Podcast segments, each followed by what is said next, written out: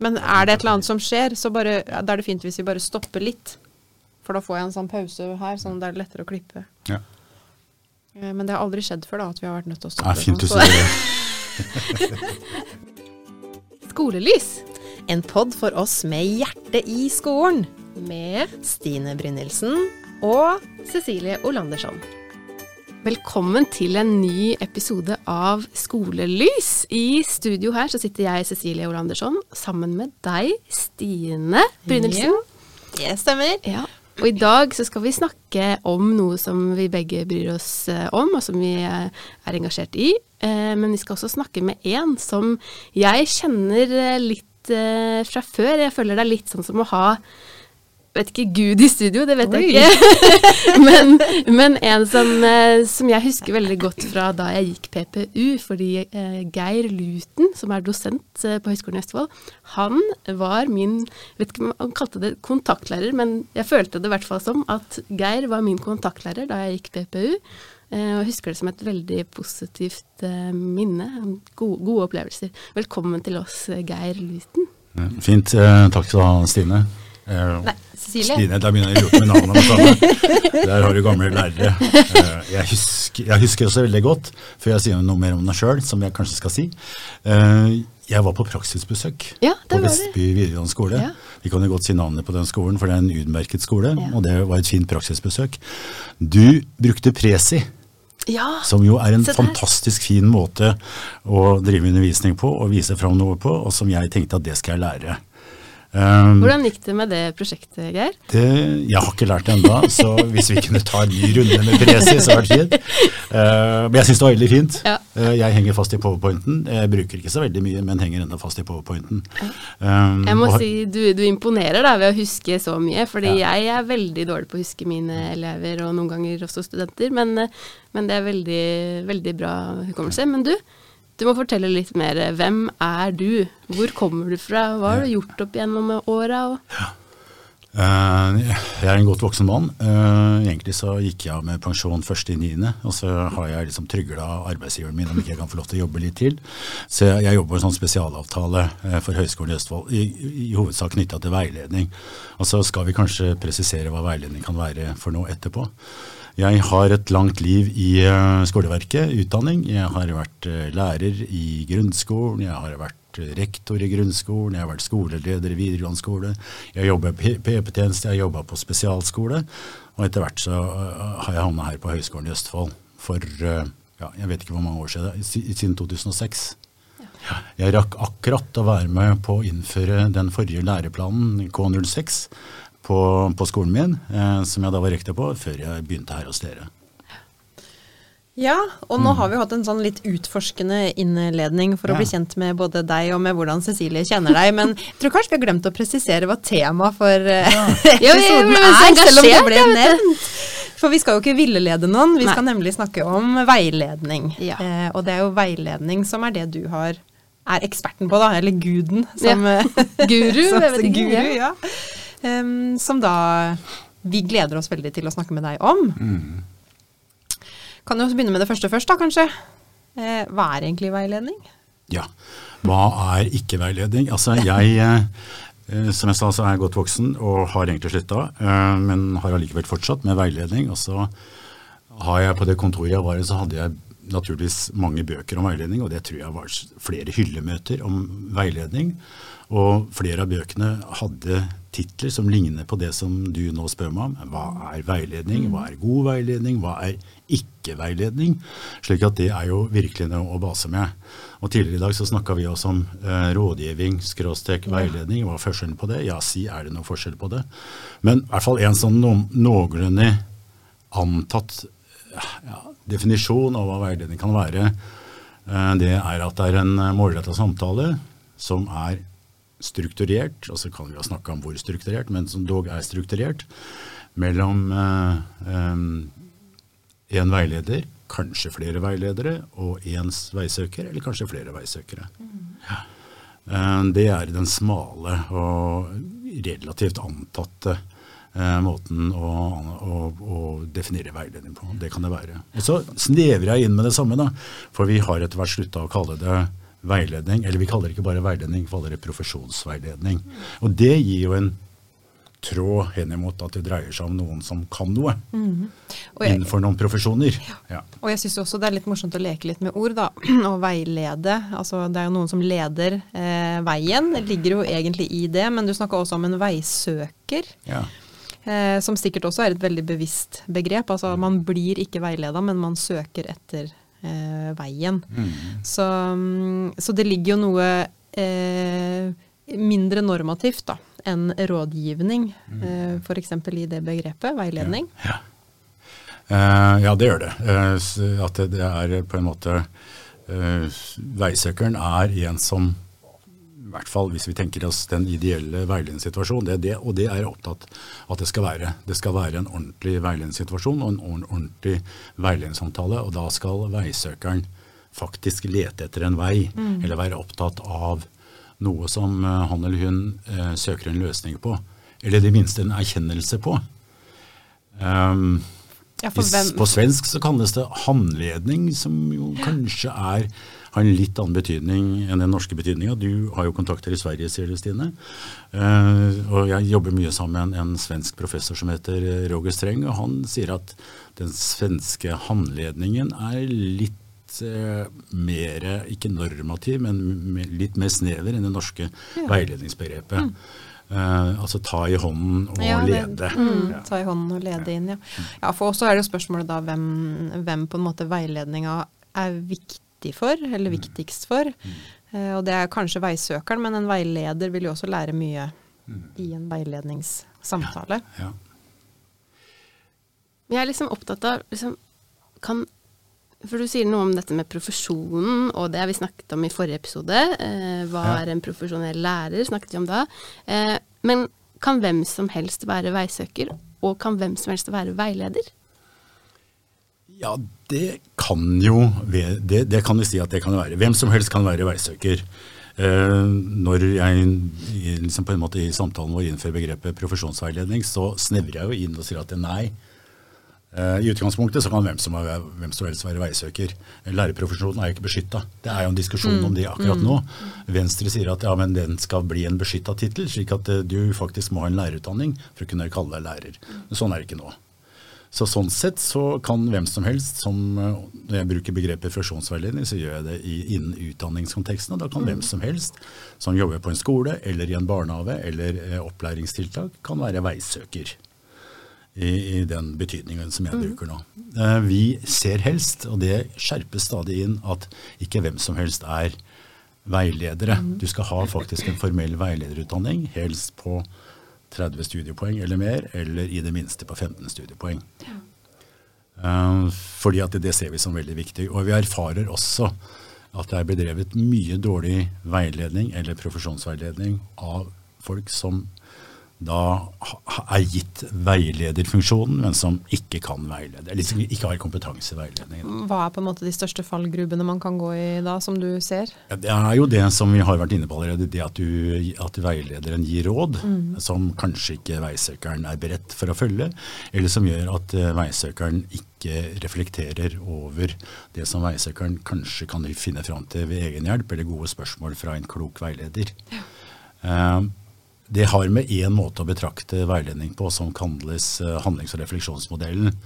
Eh, Noen som heter Handal Lauvås har vært ja, sentrale i Norge i ja, nå, siden 1980-1990. 1990, ikke sant?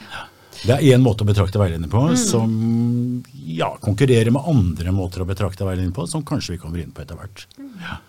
Men Hvorfor har vi egentlig veil... Hvorfor er det viktig i skolesammenheng, da? Eh, hvis vi snakker om eh, profesjonen og driver med veiledning i skolen. Eh, hvorfor driver vi med det? Hvem driver med det? Hvordan skjer det? Jeg har mange spørsmål. Ja, nettopp. Ja, hvordan skjer det? det? Jeg tror det skjer på veldig mange måter. Det, altså Vi som forsker på det og driver med det og driver utviklingsarbeidet på vet jo ikke så veldig mye om hvordan det skjer. Uh, eh, og ikke minst ikke hvordan det skjer. Vet, vi vet at vi, Det blir telt på. Det er gitt rapporter.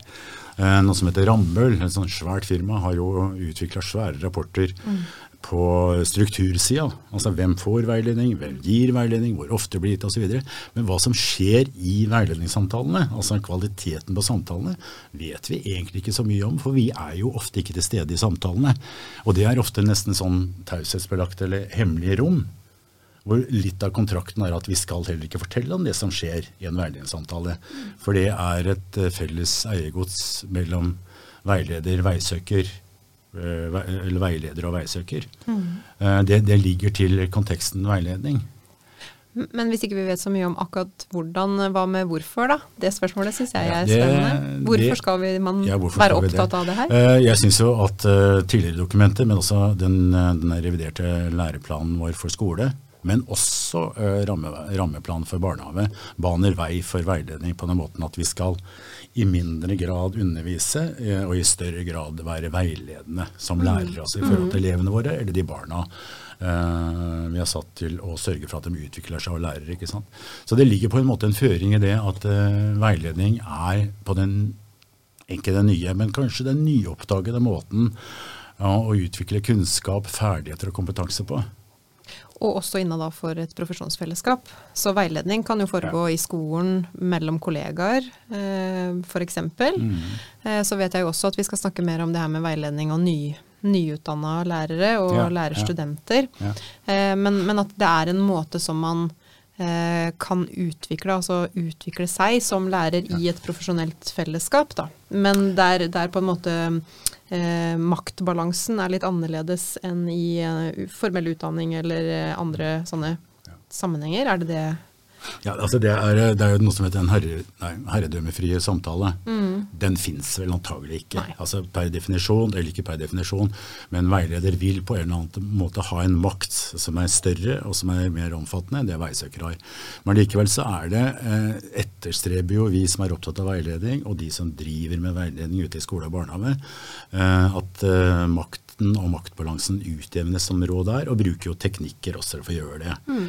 Um, jeg vet at noen UH-institusjoner, eh, altså universiteter og høyskoler, eh, er, slutter å kalle det veiledning og kaller det heller f.eks. læringssamtaler mm. eller, eller, kollegalæring. Mm. Det som dere hadde vel oppskrift, nei, ikke oppskrift, men Overskriften i dag var vel noe med kollegaveiledning, tror jeg, selv om vi var litt seine på å si noe om det. Ja. Eh, kollegaveiledning, kollegaveiledning i profesjonsfellesskapet, ja. Altså, Universitetet i Stavanger har jeg nettopp vært i kontakt med, de slutta å bruke begrepet kollegaveiledning og sier heller kollegalæring. Ja, det er for det, det, er det som du påpeker. Mm. altså De er opptatt av å jevne ut. Og også det som du var inne på tidligere i samtalen vår, at dette her er kanskje like mye en læringssamtale for veilederen som for veisøkeren. Mm. At det er mer snakk om fasilitering av noe enn å lede noe. Mm. Ja. Men vet, du, vet man noe om hvor mange, altså om det er mange skoler som jobber systematisk med kollegaveiledning eller kollegalæringssamtaler, eller vet du noe om, eh, om det? Vet man noe om det i forskningsverdenen? Nei, det vet Nei. vi ikke noe om. Uh, vi vet noe ganske mye om uh, hvor mange nyutdannede som får veiledning. Mm. Vi vet hvor mange veiledere det er i i norsk skole og norske barnehager. Eh, så det vet vi mye om. Men, det, er, det, er den, det, er, gruppa nyutdannede, som jo også er lærere. Mm. Så vi har et kunnskapsgrunnlag der. Men uh, i hvilken grad man bruker veiledning i virksomhetene i forhold til andre grupper, altså mer erfarne lærere, eh, faglærere mm. eller hva det måtte være. Det vet vi ikke. Nei, Nei fordi jeg, jeg, har jo ikke noe kompetanse på det området sånn sett, så jeg kan jo bare fortelle historier. Men, eh, men jeg jobba jo på en videregående skole i mange år, og jeg var med på én kollegaveiledningssamtale. Mm. Og det var fordi kollegaen min skulle ta utdanning, ja. og han trengte å øve seg ja. Eh, på noen. Ellers så var det jo ikke den type der man har vært med inn i undervisninga. Han var jo med inn da, i undervisninga òg, så det var jo en, enda en, eh, et lag der, selvfølgelig. Men, um, men det, det, er ikke noe som jeg er veldig kjent med at veldig mange skoler gjør. Uh, som jeg kjenner til. da. Uh, ofte så blir man jo litt sånn skremt òg som kollegaer og tenker å nei, skal du, skal du snakke med meg eller mene noe med meg? Men, eller om med meg. Men så har jeg jo prøvd ut, fordi du har jo vært og hatt um, Ja. veiledningskurs du med oss når vi Ja. er eh, i forbindelse med Dekomp-oppdragene våre. Eh, og da syns jeg jo at, og det skal vi jo også si litt om seinere, litt mer sånn konkrete metoder og måter å Ja. gjøre det på, men det her med at man har de faste rammene, at det er veldig sånn avklart på forhånd, da, det har jeg oppfatta som viktig. At det er avklart på forhånd hva som er målet, og hvem, hvilke roller man tar, og hvordan man skal gjennomføre, eh, gjennomføre det. Så det kan godt hende at det handler om at man trenger gode Eller det handler helt sikkert om at man trenger gode metoder for å gjennomføre gode eh, kollegaveiledningssamtaler òg. Mm. Men det hadde vært litt interessant å vite hvor mange skoler som, altså hvor, hvor mange skoler som jobber systematisk da, med kollegaveiledning eh, og, av lærere som har jobba en stund. For det er kanskje naturlig å tenke at veiledning er særlig viktig for nyutdanna, men det er jo like viktig for de som har jobba, eh, en stund.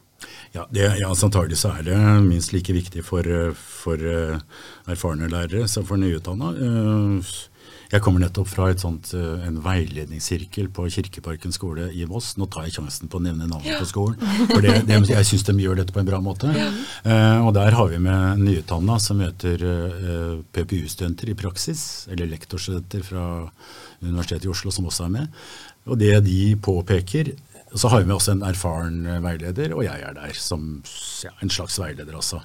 Uh, og det den erfarne sier, drar jo retning av det du sier. At uh, den erfarne sier at ja, men dette er jeg også usikker på. Da, I dag så snakka vi om lærerrollen og hvilke utfordringer, hvilke forventninger har vi til nyutdanna lærere, eller hvilke forventninger har vi til oss sjøl som lærere. Uh, og da var det på dette her f.eks. i veiledningssamtalen og avsløre at det er noe jeg ikke kan, det er noe jeg ikke vet, det er noe jeg er usikker på. Tør vi gjøre det? Har vi sånne fortrolighetsrom eh, hvor vi faktisk kan avsløre det? For hvis du kan si noe om hva du syns er vanskelig, eller hva du syns du faktisk er svak på, så har du også utgangspunktet, utgangspunktet for å gjøre noe med det. Det er jo viktig knytta til også lærere som har mer erfaring. Men jeg skal på en, eh, straks på en sånn konferanse i Alta, ja, jeg skal møte alle som har med veiledning i, på universiteter og høyskoler. Og da kan jeg stille det du spørsmålet. Eh, som du nå, vi vet vi noe om Ja. dere? Hvor Ja. mange skoler, eller hvor mange lærere? Eh, I barnehage og skole, vi er opptatt av barnehage også, eh, er det som, som driver med veiledning som en virksomhet, ikke bare for nyutdanna. Ja. Ja, det hadde vært veldig spennende. Men så hører jeg nå at du sier også at det er noen rammer for å få til god veiledning. Du har vi har snakka litt om det med makt, og du Ja. sier litt om det med trygghet, eller det å Ja. mm, på en måte føle at man kan være fortrolig nok da, Mm. til å dele ting som man kanskje ikke er så god på. Er det andre sånne strukturer som er viktige, eller, eller områder som er viktige for å få til god veiledning?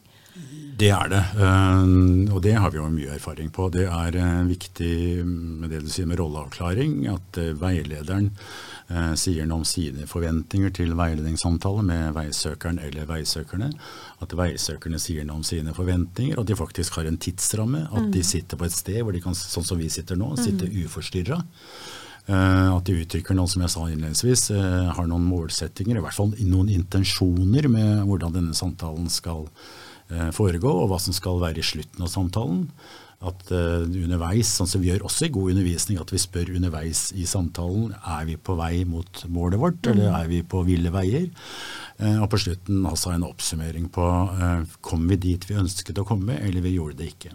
Det som er litt utfordrende med hverdagssamtalen, for nå sammenligner jeg litt med undervisning, som jo kan være ganske streit, og vi kan faktisk ha sterke maktmidler som lærer, eh, eller pedagogisk overtalelsesevne til å faktisk komme dit vi ønsket å komme.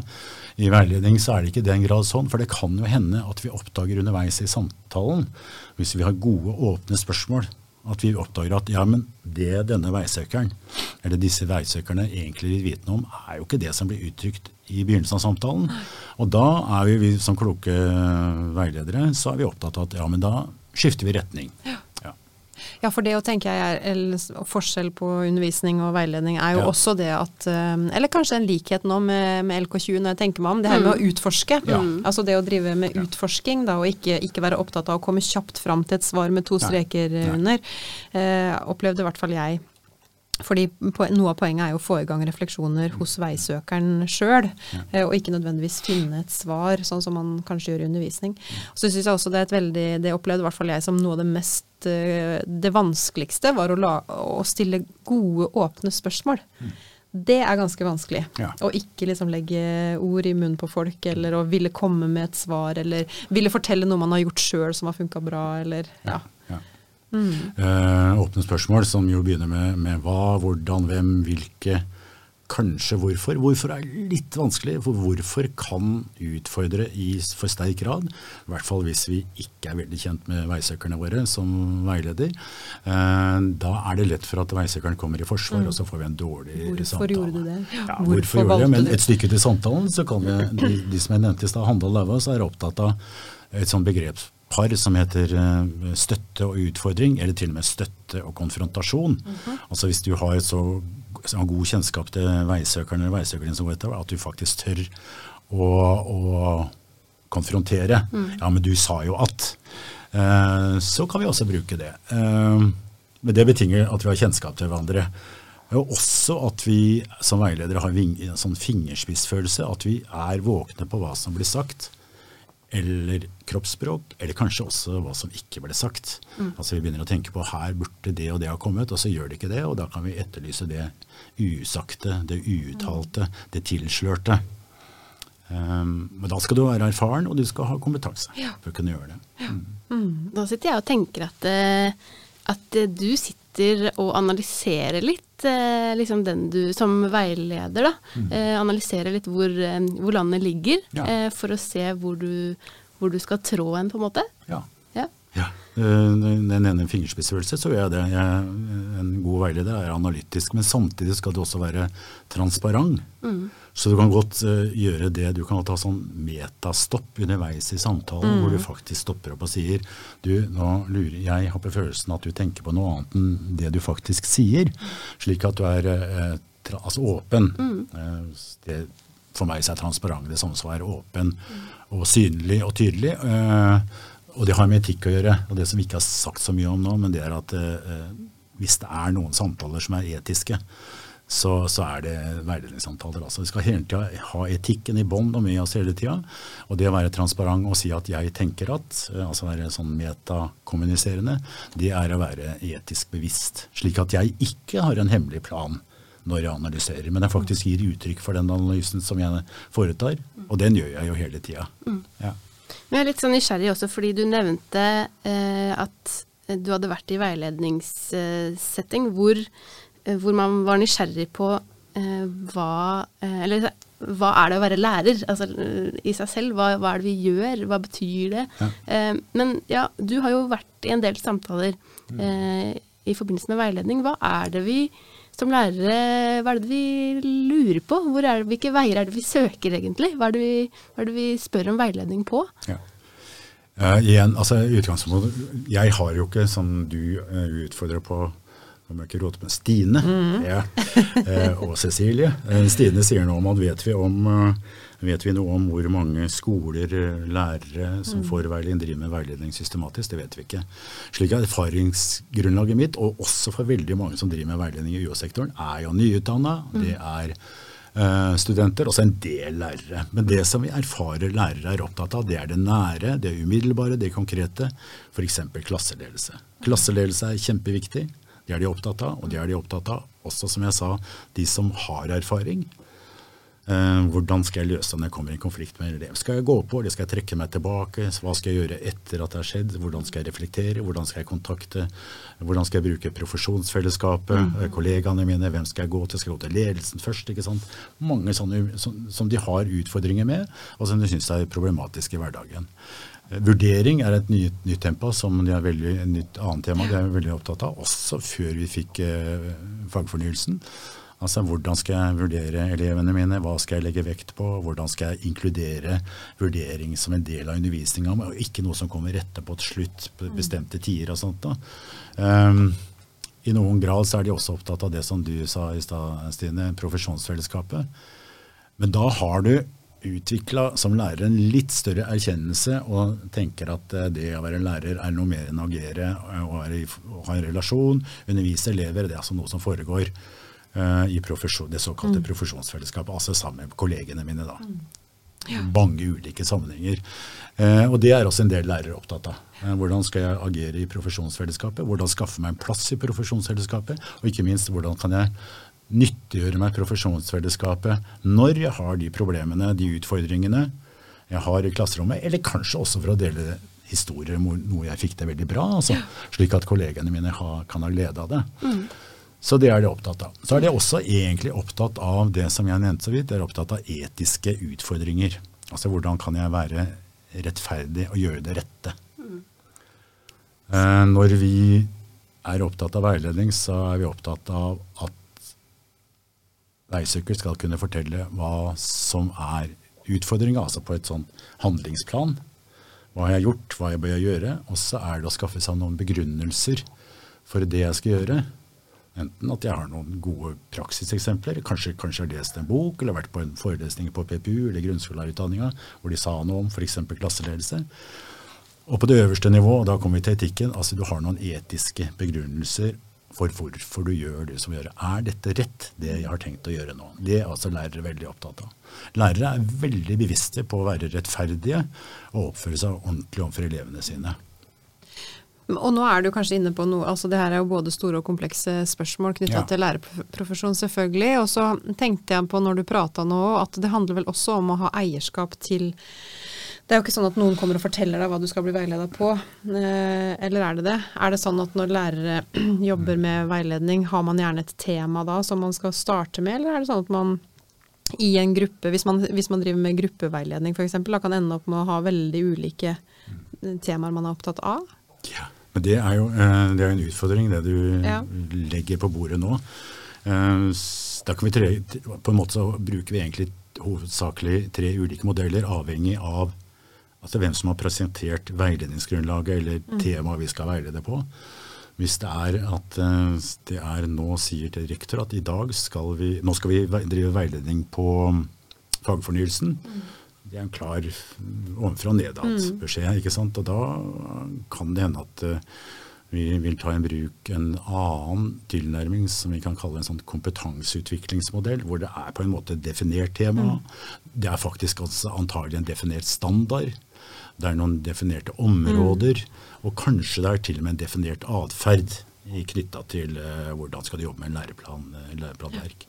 Hvis det er uh, noen som ikke vet i det hele tatt, og som ikke kan ikke har enda utviklet evnen til å reflektere, nyutdanna eller nye studenter første året i mm. grunnskolelærerutdanninga, som vel kanskje dere har vært borti, mm. de vil vi kanskje oppdage at ja, men de har ikke evnen til å reflektere, eller de har ikke så mye å reflektere over. De har jo aldri vært lærere før.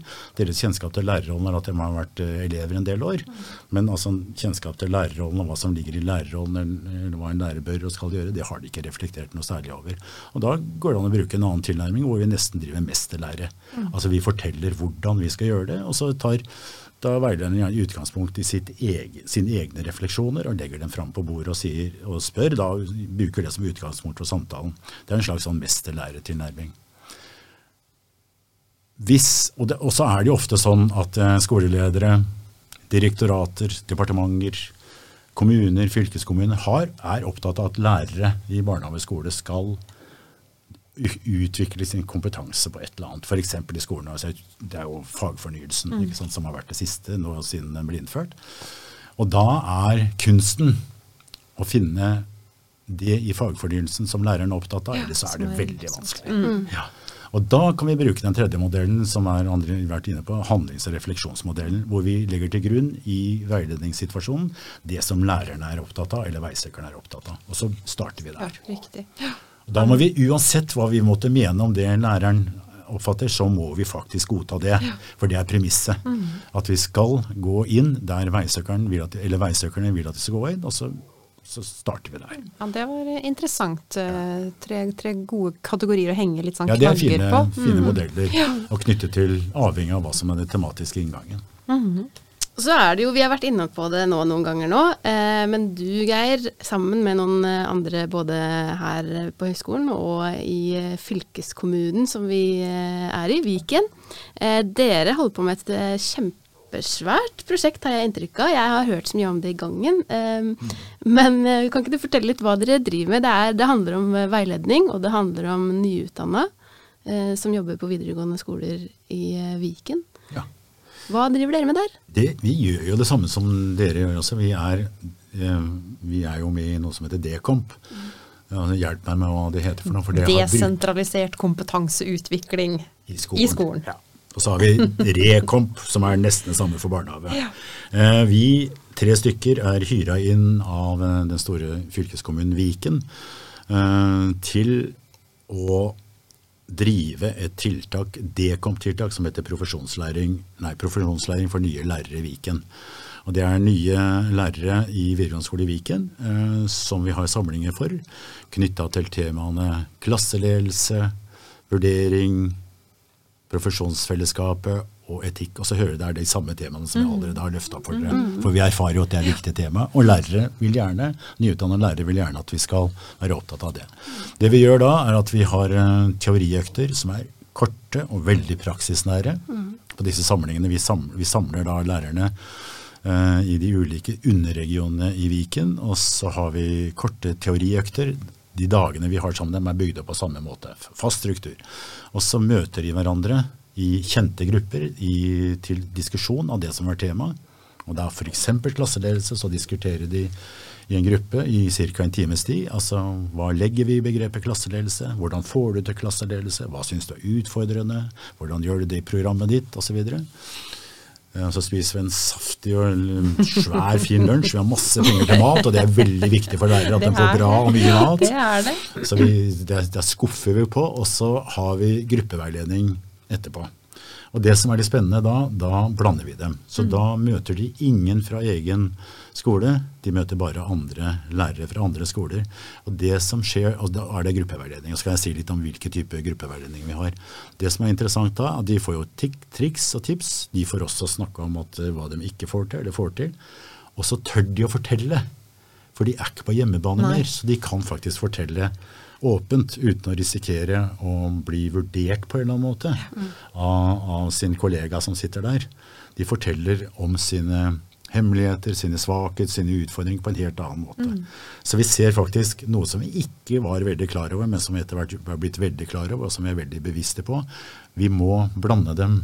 Altså, de skal treffe andre fra andre skoler, andre program, som de faktisk ikke kjenner fra før. Etter hvert som når vi gjør dette, for vi gjør det fire ganger i løpet av et år, så de blir jo egentlig ganske godt kjent. Men de, de kan da, men da har de skapt det jeg snakka om i stad, dette fortrolighetsrommet, hvor du faktisk tør å fortelle hva du syns er utfordrende til kolleger fra en annen skole. For det kan være utfordrende når du er nyutdanna. Du har antagelig ikke fast jobb, det er et vikariat. eh, Du har et engasjement på, på så har en eller annen type varighet. Men de er i hvert fall ikke fast ansatt for resten av livet. Og det samme er litt med nei, studenter også. Eh, hvis vi hvis de hvis veisøkeren, eller vi, det oppleves som en problem, hvis vi fra høyskolen som skal vurdere dem, er til stede i veiledningssamtalen, så er det også litt skummelt å si hva de ikke får til. Eller hvis praksisveilederen er til stede. For han eller hun skal jo vurdere om studenten er skikket til å være lærer, ikke sant? og da er det litt skummelt å eh, fortelle om alt som man syns er vanskelig. Tenker Sine innerste det- tanker om Ja. Og det her er en god parallell å trekke over igjen til det her med utforskende undervisning, som Ja. vi jo også har en, eh, minst en episode på. Ja. Um, for der har vi snakka om det her med hvordan kan man få til utforsking hos elever når elever vet at de skal bli vurdert. Og det blir jo litt det samme mm, prinsippet her. Ja. Hvordan skal man tørre å utforske sine tanker, sin rolle, hvis man opplever fordi det gjør man jo fort da igjen, det handler jo om makt og strukturer. Eh, oppleve at man blir dømt på det man sier. Så det å legge til rette for Jeg tenker det kan være godt ja, for både nyutdanna og gode gamle lærere å kjenne litt på den følelsen eh, sjøl òg, når man skal ut og utsette elevene for det samme. Men eh, det prosjektet her, og jeg tenker også det er veldig, et veldig fint prosjekt. Det var ikke sånn da jeg eh, var nyutdanna og med PPU og gikk Nei. inn i eh, jeg, jeg var også, Da jobba jeg riktignok i Akershus, da, men eh, jeg var også på noen par samlinger. Men det var mer sånn eh, powerpoint-presentasjon om utfordringer, og så var det stort sett det. Har, har, man, har dere eh, eller har vi her på høyskolen hatt et sånt samarbeid med Viken lenge, eller er det her noe helt nytt? Det er ikke nytt, Nei. for det begynte egentlig med, og da tør jeg også si et navn, Kristine Hollup, som da den Som er min tidligere kollega Som òg. din tidligere kollega. Veldig flink dame, altså. Flink dame. Og hyggelig dame også. Ja. Eh, vi starta vel på Kristines initiativ. Eh, vi traff hverandre nesten, nesten som to skip i mørket, altså ved en tilfeldighet. Og så sa vi skal ikke vi satse, gjøre noe for nyutdanna lærere og veiledere i, i gamle Østfold fylkeskommune sammen? Jo, men det kan være. Også utvikla et eh, prosjekt. Et opplegg som ligner veldig på det jeg fortalte nå, hvor vi hadde samlinger for nyutdanna, og deres veiledere ikke minst. Slik at veilederne også økte kompetansen sin på det som vi var opptatt av. Og så ble Viken, og Kristine skifta jobb og begynte å jobbe i Viken og tok vel med seg tankegodset dit. Og så ble Viken så interessert i det vi drev med at de sa ja, men kan ikke gjøre det samme for oss gjennom Dekomp. Hvilket vi gjorde og har gjort. Ja. Da, det er på fjerde året, tror jeg. Og Ja, finsliper litt dette etter hvert, da. Det som er interessant med det, og som, jeg, og som også er ikke en nyvunnen eh, erfaring, og som vi også forsker på, da, det er at eh, kollektiv læring som gruppeveiledning er uutnyttet. Altså et potensial for læring der som ikke er, ikke er benytta i størst mulig grad. Så det som vi ser nå, og som vi legger til grunn og har nesten en hypotese om, er at når vi skal veilede, så er det minst like lurt å veilede i gruppe som individuelt. Ja. Når man tenker på veiledning, så er det ofte tenker vi på den tradisjonelle individuelle veiledningssamtalen med en veisøker og en veileder, hvor de på en måte eh, snakker sammen om et eller annet tema som enten er meldt inn av skoleledelse, barnehageledelse eller av veilederen sjøl. Antagelig så er det sånn, og der, kommer jo profesjonsfellesskapstankegangen inn, og kollektiv læringstankegangen inn. Antagelig er det sånn at når flere sitter sammen i en veiledningssituasjon, så er det større grad av læring. Kanskje det har det noe med sånn enkeltkrets og dobbeltkretslæring å gjøre. Altså når enkeltkretsen er når to sitter sammen, og det kan lett bli litt konserverende, vi kan sitte og bekrefte hverandre og ikke komme så videre, men det er koselig og hyggelig og fint. Men hvis vi går ut i, større, i en større sammenheng, en større arkitektur, så vil vi kanskje erfare at Ikke kanskje, vi ser det egentlig, at vi ser at det da um, lærer de som deltar mer. Både veiledere og veisøkere. Ja, det altså som sagt da med veldig begrensa erfaring på, mm, på gruppeveiledning. mm, Men da vi prøvde det ut, de, Ja. de to, det var jo to metoder tror jeg som du um, visste også, og det, begge var i gruppe, um, så får du jo så mange tanker for det første så får du veldig mange tanker sjøl når du sitter og, mm, og hører på samtalene som foregår eh, rundt. Og for det andre så blir du litt sånn avlasta. Det er litt lettere å ta det skrittet tilbake og tenke på noen gode spørsmål som Det opplevde i hvert fall jeg, da, sånn rent erfaringsmessig. Eh, sånn at igjen så foregår det jo læring på veldig mange ulike måter. Det, det er virkelig en kollektiv læring for hele gruppa. Ja. Eh, og der du òg kan lære noe om det du tenker på eller er opptatt av. Så det var jo ikke skummelt. Nei. Nei. Viken er, Viken er en veldig god eh, skoleeier, så jeg, har, jeg er veldig jeg er gammel østfolding og syns det er stas med det gamle fylket mitt. Men jeg er veldig jeg er redd for at det som Viken nå driver med, må utvikle skolene sine på så bra måter på veiledningsområdet, også på andre områder. De er også i ferd med å utvikle sånn rammeverk for veiledning av nyutdanna som bygger veldig mye på de prinsippene som vi nå drøfter her. Eh, som jeg håper blir videreført også i Buskerud, Akershus og Østfold, altså, for det er så knakende godt. Og så må jeg også, når vi har den samtalen, nevne to kommuner som vi samarbeider mye med. Nevnte Roger Streng og jeg, som er eh, Sarpsborg og Fredrikstad, hvor vi har inngått en sånn samarbeidsavtale hvor vi gjør nesten det samme som vi gjør i Viken. Og vi erfarer at eh, hvis det er deltakerorientert nok, og det må det være. altså. Vi må ikke forelese noe særlig. Vi skal utvikle kunnskap, kompetanse og ferdigheter sammen. Da blir det veldig fint. Ja. Og så skal vi veilede. Og det er gruppeveiledning, det òg. Du nevnte i stad, Stine, at eh, du har erfaring med to ulike typer metoder. Eh, og de har jeg også fått testa.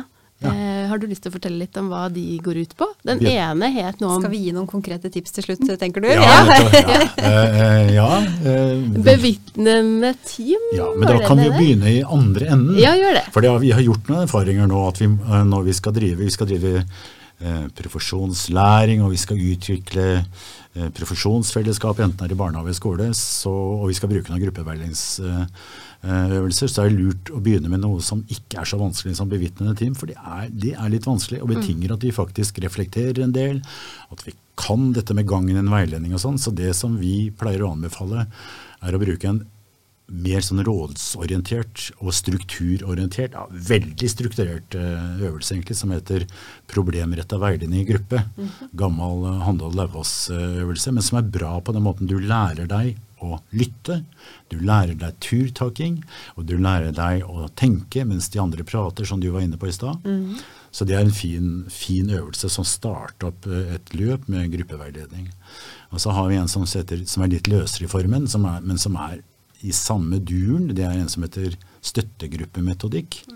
Det som er veldig fint med støttegruppemetodikk, der skal du ved starten av veiledningssekvensen, før du velger veiledningsprogram, så skal du fortelle en fin historie fra din egen arbeidsplass. Altså det er litt sånn løft eh, pedagogisk orientert. Eh, vi skal være løsningsorienterte, vi skal tenke på også hva som kan være bra, ikke bare grave oss ned i problemer. Så støttegruppemetodikk er en fin øvelse å bruke etter at vi har innført måten å tenke på gjennom problemrettet veiledning.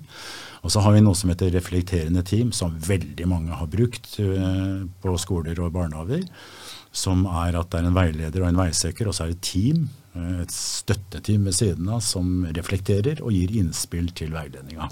Det må jeg bare si at akkurat den har jeg og kollega Anne Grete Lindahl Ja. testa ut i korona digitale tider. Ja. Hvor vi rett og slett hadde den gruppa stengte av. Det var svart eh, kamera, altså Det er så interessant, da. Ja, det var veldig interessant. Eh, Men det ga en sånn ekstra følelse av at det bare var veisøker og veileder Ja. som, eh, som var der. For, for den som ikke kjenner til den metoden, da, så er jo et av hovedpoengene der er jo at det støtteteamet Nå husker jeg ikke akkurat, Var det støtteteam du brukte som Ja, jeg kan bruke begrepet Eh, støtteteam. Ja. De skal jo ikke involvere seg i selve Nei, de skal samtalen. De skal bare reflektere og snakke sammen om det de har hørt, og det de tenker ikke sant, om det de har hørt. Og så kan da man ta det inn igjen, veileder og veisøker kan ta det inn igjen i samtalen.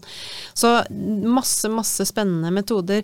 Er det, noe, er det her noe vi kan dele? Har du noen tips til noe litteratur, eller noen tekster? Har du noen dokumenter vi kan dele Det på bloggen jeg, vår, f.eks.? det har jeg, men da kan jeg før, sist, jeg kan jo, må jo ha innom bevitnende Ah, ja, team, ja, da, ikke ja, sant, for du nevnte okay. det. Så bevitnende team er jeg nesten forelska i, jeg syns det er så Ja. fint. Eh, og oppdaga det vel ikke ordentlig før tre år siden. Eh, var det noen som jeg kjenner på Universitetet i Sørøst-Norge som fortalte meg om har du ikke brukt bevitnende team. Nei, så hva er det for noe? Nei, det må du bare bruke. Det er egentlig noe som kommer fra så jeg ta en kort historie på det, fra ørkenen ute i California, hvor det var noen jøder som jo opplevde forferdelige ting i annen verdenskrig, som bosatte seg til ørkenen, et lite samfunn, og så oppdaga de at eh, altså historiene våre, holocaust, det blir borte. Det er ingen som forteller om det mer. Det er ingen som har bevissthet om det. Vi må, vi må begynne å fortelle hverandre historier. Og de brukte også tegninger i tillegg. Og så fortalte de historiene våre for å, for å bevare sin egen kultur, bevare sine egne såkalte narrativer om det som hadde skjedd. Eh, og så var det noen antropologer, sosialantropologer, som oppdaga dette her og tok det med og skal forska på det. Og så var det noen pedagoger som oppdaga det og sa at ja, dette er en suveren måte å veilede på. Og det vil si at det er en veisøker og en veileder, også et, eh, noen vitner som hører på, og så deler vitnene også sine historier om det samme fenomenet. Vanskelige barn, er ikke vanskelige barn som utfordrer oss. Eh, vurdering eller hva det måtte være. Foreldresamarbeid. Det som er veldig fint med denne metoden, er da får også vitnene, eller de andre deltakerne i Trente og veileder, fortalt sine historier. Og det har vi jo kjempelyst til nå i veiledning. det er veiledning, Ja, sant? Når du sitter der. Nei, kan ikke jeg fortelle, det, altså. Med bevitnede team så får jeg gjort det. Men den krever en veldig god veileder, og den er litt mer utfordrende på refleksjonssida. Du må liksom på en måte ha litt trening på å reflektere for å kunne bruke bevitnende team. Kjempespennende. Jeg skjønner at dette er et tema som vi kunne ha snakka en time til om. Ja, Eh, helt sikkert. Men det skal vi ikke. Nei, Nei. men da, da, da gir du oss noen tips eh, etter Ja. hvert, da, Geir. Eller hvis du har noen du Ja, vet om nå, nå, så kan du gjerne gjøre det. det, Men altså- skal bare si at vi legger også ut lenker på bloggen vår, så hvis ikke du, du som hører på husker alt, så, så Ja. finner du det der òg. Mm. Men gjerne noen tips med en Eh, gang. s- skal på gruppeveiledningsøvelse så er det Handal og Laues på de to første. Eh, problemrettet veiledning i gruppe og, eh, og støttegruppemetodikk. Det boka heter da Kollegaveiledning blant kritiske venner. Eh, De to siste, eh, bevitnende team og Nei, unnskyld, i rekkefølge. eh, Reflekterende team og bevitnende team. Det er en bok av en flink dame som heter Inger Ulleberg, og mannen hennes Per Jensen, som har skrevet en bok som i hvert fall begynner med systemisk veiledning. Så jeg husker jeg ikke resten av teksten. Der er disse metodene veldig godt beskrevet. Ja. Så godt. For det vi håper er jo at eh, våre kjære lyttere, enten de er nyutdanna eller gamle, gammelutdanna skoleledere, lærere, lærerutdannere, får lyst til å uh, og som kanskje ikke er så kjent med veiledning, da, får lyst til å utforske det her Ja. eh, litt. Og jeg har lært masse. Og veldig Ikke veiledende samtale da, men eh, lær, lærende samtale. Takk for at du kom på besøk til oss, Tusen Geir. Ja, Det var veldig hyggelig å prate med dere. Takk skal dere ha. Skolelys En pod for oss med hjertet i skolen. med Stine Brynildsen og Cecilie Olandersson.